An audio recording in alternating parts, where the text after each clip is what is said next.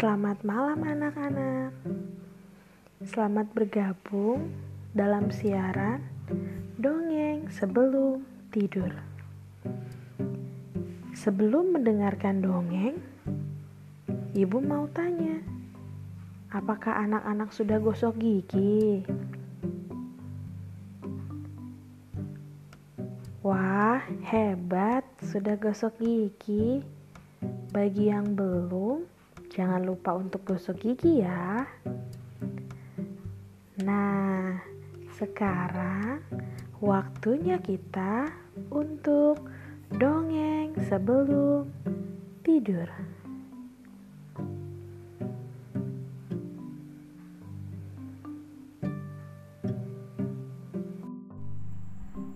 Kali ini Ibu Dinar akan mendongeng dengan judul Payung untuk Mama. Pada suatu hari, Mama akan pergi berbelanja di warung sayur ujung gang.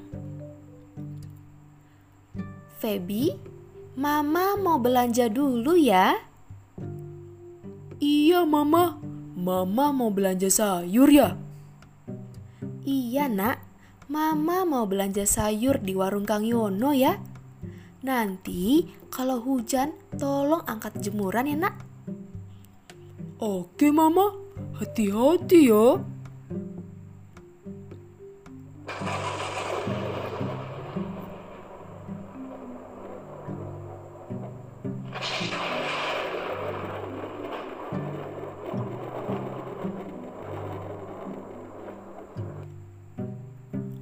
Wah, bener kata mama ya.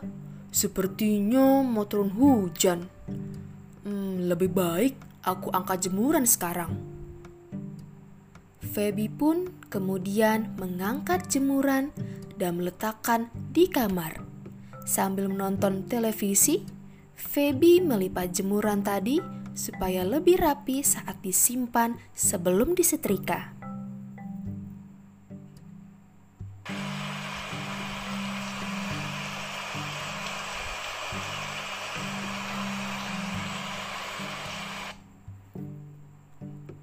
Hujannya deras sekali ya. Syukurlah sudah kuangkat jemurannya, jadi tidak basah. Tapi kenapa mama tidak kunjung pulang ya? Feby berjalan menuju jendela untuk melihat mama. Saat kembali ke ruang tengah, Feby menghampiri kantong tempat penyimpanan payung dan payungnya ada dua. Wah, Mama tidak bawa payung. Jangan-jangan Mama tidak segera pulang karena tidak bawa payung dan menanti hujan reda. Baiklah, aku akan menjemput Mama dengan membawakan payung. Feby pun bergegas keluar dan mengunci pintu dengan memakai payung dan membawa payung untuk Mama.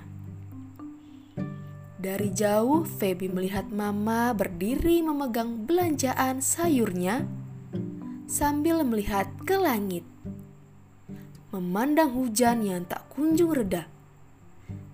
Sesampainya di warung sayur Mang Yono, Feby teriak, "Mama!